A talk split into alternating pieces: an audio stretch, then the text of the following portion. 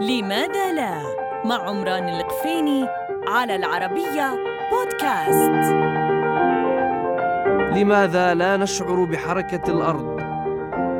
عزيزي المستمع إن هذا السؤال مطروح من زمان نيكولاس كوبرنيكوس أي في القرن الخامس عشر لا بل قبل ذلك.